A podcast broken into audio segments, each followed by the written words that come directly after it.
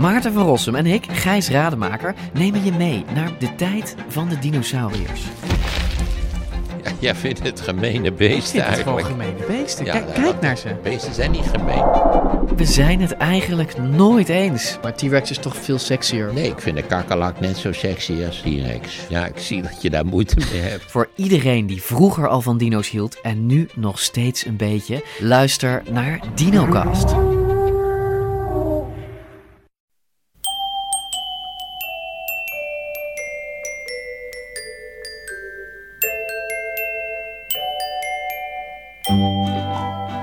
Welkom bij aflevering 399 van Echt Gebeurd.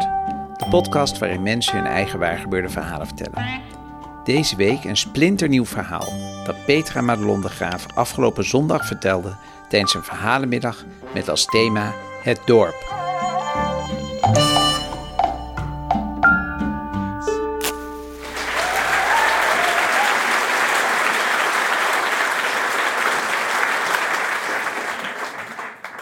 Toen ik 14 was, heb ik mijn ouders gesmeed om mij naar het rugbyfeest te laten gaan. Eh, en het rugbyfeest is een feest in Spakenburg wat bijzonder weinig met rugby te maken heeft. Ja, er wordt wel een soort toernooi georganiseerd, maar daar gaat eigenlijk niemand naartoe. Maar het hele dorp gaat wel bijna naar dat feest toe.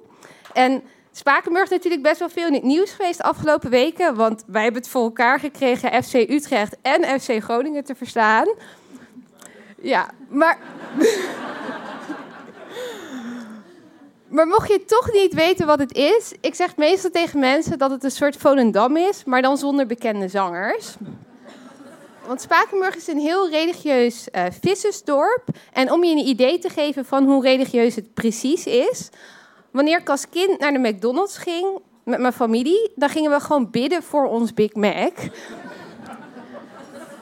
En toen ik zeg maar, met mijn ouders op vakantie ging naar Oostenrijk, toen heeft mijn vader een keer verkeerd eh, geteld met de broodjes die wij aten van die Duitse keizerbroodjes.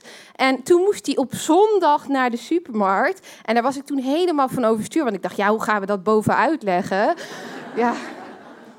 Ja, het enige moment dat ik eigenlijk contact had eh, met ongelovigen, of nou ja, heidenen zoals wij ze noemden, dat was tijdens mijn eh, balletlessen. Die werden op de openbare basisschool in Spakenburg gegeven. Dus de enige openbare basisschool ook in Spakenburg.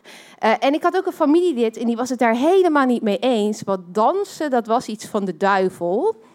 Nou ja, dat vond ik zelf niet. Maar niet iedereen was dus fan. Maar in ieder geval, eh, toen ik op een gegeven moment op de middelbare school zat, toen had ik ook best wel eh, religieuze vriendinnen, zelfs voor Spakenburgse standaarden. Want ik was bevriend met de dochter van de godsdienstleraar. En ik zat bij categorisatie altijd naast de dochter van de dominee. Maar in de puberteit kun je natuurlijk last krijgen van acne en stemmingswisselingen. Maar ik kreeg vooral last van geloofstwijfels. Eh, ja, en dat is best lastig als je de beste vriendin bent van de dochter van de eh, godsdienstleraar. Eh, want die had dat natuurlijk niet. Nee. Maar op een gegeven moment begon het op mijn school, om, op mijn categorisatie deed het over dat rugbyfeest te gaan. Eh, en ik dacht, oh, daar moet ik naartoe. Vooral omdat ik wist, zeg maar, die religieuze vriendinnen, die gaan daar niet naartoe. Dus ik dacht, nou, daar moet ik zijn. Dus ik zei tegen mijn ouders, ik wil naar het rugbyfeest. En in eerste instantie zagen ze dat echt niet zitten. Maar nou, heel lang onderhandelen mocht ik gaan. Maar ik moest wel om half twaalf thuis zijn. En ik wist al wel dat feestjes in Spakenburg best heftig daaraan toe konden gaan. Want ik was al wel op veel bruiloften geweest. Eh, en ik deed altijd mee aan een zeilwedstrijd eh, die de Zuidwal heette. En ik wist dat het avondgedeelte, waar ik nooit mocht komen, dat dat de Zuidwal werd genoemd. Dus het gaf me al wel een beetje een idee dat het wat heftiger eh, kon worden. Maar goed, ik ging met een andere vriendin ging ik naar dat rugbyfeest toe. En toen wij aankwamen, we waren er veel te vroeg. eh, toen werd de tent nog opgezet. Ja. Maar op het parkeerterrein stond er wel een bus en dat was een, een Jezusbus. Dus dat is zo'n bus met van die borden ernaast van laat je niet verleiden en God zoekt jou. Dat soort borden mag je erbij denken. Maar de enige mensen die tot dan toe op dat feest waren, waren natuurlijk alleen maar mensen van mijn leeftijd, die waarschijnlijk ook zo'n belachelijk vroege eindtijd hadden gekregen. ik zag een heel populair meisje lopen uit mijn klas. En zij had uh, een zwarte nep leren broek aan. Dat was 15 jaar geleden was dat een trend. En mensen in Spakenburg dragen dus wel gewoon normale kleren. Het is niet een soort staphorst. Maar ja, ik heb zelf dus ooit ook zo'n uh, zwarte nep leren broek gehad. Maar om je een idee te geven van hoe weinig ik wist van seks. Uh, ik heb een keer gehad dat een jongen aan me vroeg: Petra, als je een leren broek hebt, heb je dan ook leren pijpen? En ik heb dat beantwoord met ja, natuurlijk.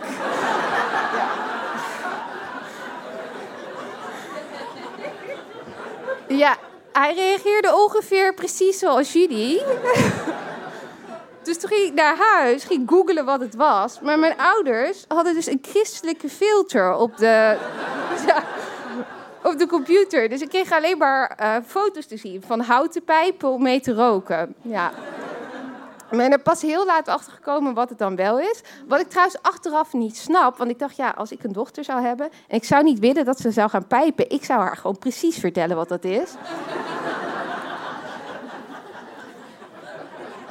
Maar goed, dat meisje met die, met die leren broek, die liep dus een beetje moeilijk. En ik dacht dus eerst, ja, misschien is dat gewoon die broek. Maar er kwamen steeds meer mensen naar dat feest. Eh, en die liepen allemaal een beetje moeilijk. En toen kwam ik er al vrij snel achter dat er heel veel mensen die hadden ingedronken. En achteraf dacht ik, ja, dat had ik natuurlijk kunnen bedenken. Want Spakenburg zijn best wel gierig. Dus die rijden gerust een half uur om voor 5 euro korting. Dus viel op zich te verwachten dat iedereen had ingedronken. Maar ik zag op een gegeven moment een groepje meisjes staan. En dat groepje meisjes kende ik uh, van de basisschool. Dus ik ging daar naartoe. En we hadden zo'n standaard gesprek van hoe vind je het op de middelbare school. Uh, maar toen ging op een gegeven moment ging, uh, de muziek van Jan Smit aan. En mensen begonnen langzaam een beetje, nou ik wil het niet dansen noemen, maar ze gingen wel bewegen op muziek. En uh, op een gegeven moment gingen mensen ook uh, schuren. En ik heb persoonlijk helemaal niks tegen schuren. Maar ik raakte uh, wel een beetje gepikeerd. Want ik dacht, hallo, krijg ik hier nou van mensen te horen dat ballet van de duivel is? Maar dit gaan we wel op massale straal goedkeuren. Oké.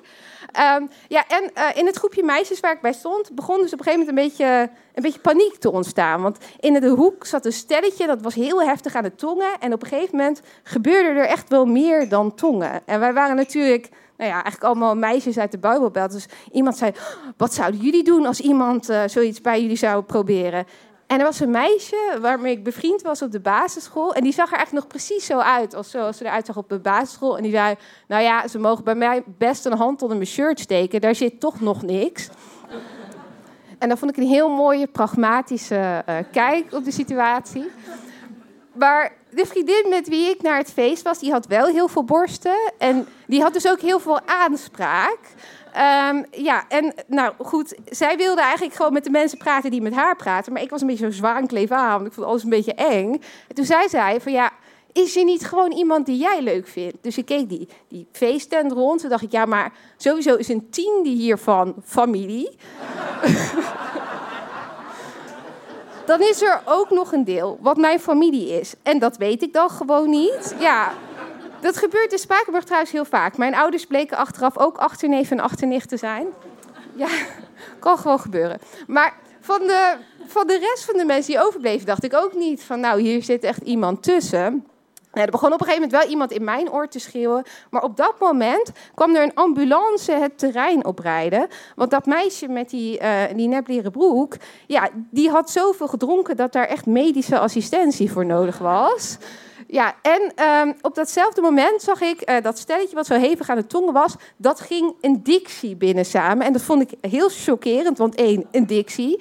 Uh, en twee, ja, je moet je voorstellen, zeg maar, in Spakenburg zijn ze natuurlijk niet heel erg fan van seks voor het huwelijk. Het gebeurt wel, we hebben allemaal tienerzwangerschappen. Maar het idee is dat je dat niet doet. Het idee is zelfs bij ons dat op het moment dat je seks hebt, dan ben je eigenlijk voor God getrouwd. Want het is, hij ging tot daarin en nam haar als vrouw. Dus ik dacht, misschien leuk voor jullie om dan te bedenken hoeveel huwelijken je volgens die redenering hebt. Maar goed, uh, op dat feest werd het mij op een gegeven moment allemaal een beetje te veel. Ik maakte denk ik gewoon een beetje kortsluiting. Ik kon gewoon de, de kerk Spakenburg en het feest Spakenburg kon ik gewoon even niet helemaal met elkaar matchen. Dus ik trok die vriendin weg, die dat waarschijnlijk heel vervelend vond. Uh, en toen liepen wij naar die parkeerplaats, recht in de armen van de mensen bij de Jezusbus. Ja, het was ook echt zo'n man met lang haar. Dus hij had ook echt zijn best gedaan om een heel klein beetje op Jezus te lijken. En als jij een feestje een beetje te heftig uh, geworden vindt, dan uh, zijn de mensen van de Jezusbus, dat zijn echt jouw mensen. Die, ja. ja, en hij had ook snoepjes en toen zei hij ja. Ja, en achteraf dacht ik, ja, je moet natuurlijk zeg maar een man met een bus en snoepjes, dat moet je niet vertrouwen. Maar goed.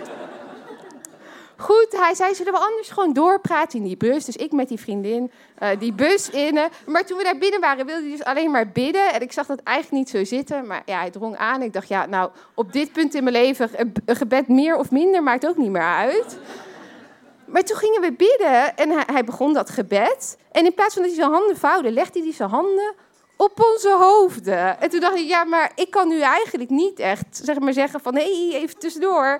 Uh, maar toen dacht ik, ah, hoe lang kan het duren? Nou, het kan gerust vijf heel ongemakkelijke minuten lang duren.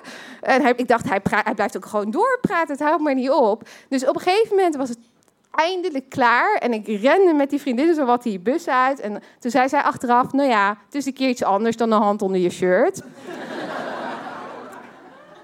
Ja, ik, uh, dat feest was voor mij een beetje een punt waarop ik dacht... oké, ik denk dat ik wel weg moet uit Spakenburg. Ik zie hier niet een manier om hier heel lang nog te blijven wonen. Maar ik heb mijn ouders toen wel eerlijk verteld... dat ik een groot deel van het feest heb doorgebracht in de Jezusbus. Ja, en ik ben dan nu afvallig en ik woon in de stad. Maar ik denk toch dat zij daardoor een beetje hoop houden... dat ik toch ooit weer terugkom. Want ja, als je je eerste feest eindigt in de Jezusbus... dat zegt toch wel wat... Uh, maar ik heb besloten dat ik het niet erg vind dat ze daarop hopen. Ik vind het prima als mensen voor mij bidden, zolang ze maar niet meer met mij bidden.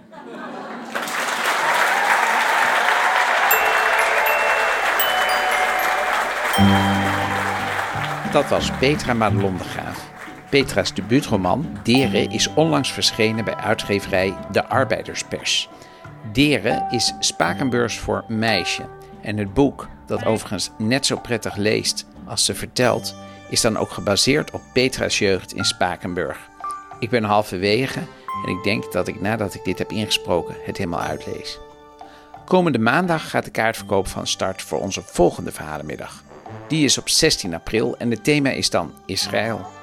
We zijn nog naar vertellers op zoek, dus als jij een mooi verhaal hebt dat met Israël te maken heeft, laat ons dat dan weten via het aanmeldformulier op www.echtgebeurd.net. De redactie van Echt Gebeurd bestaat uit Paulien Cornelissen, Renette Kwakkenbos, Tom van Rooyen, Ariane Hins en mijzelf, Mieke Bertheim. Onze zakelijk leider is Hanna Ebbing en Jasper van Oorschot maakte de geluidsopname in Toemler. En deze podcast wordt gemaakt door Gijsbert van der Wal. Dit was aflevering 399 alweer. Tot de 400ste. En vergeet ondertussen niet, er is altijd nog die Jezusbus.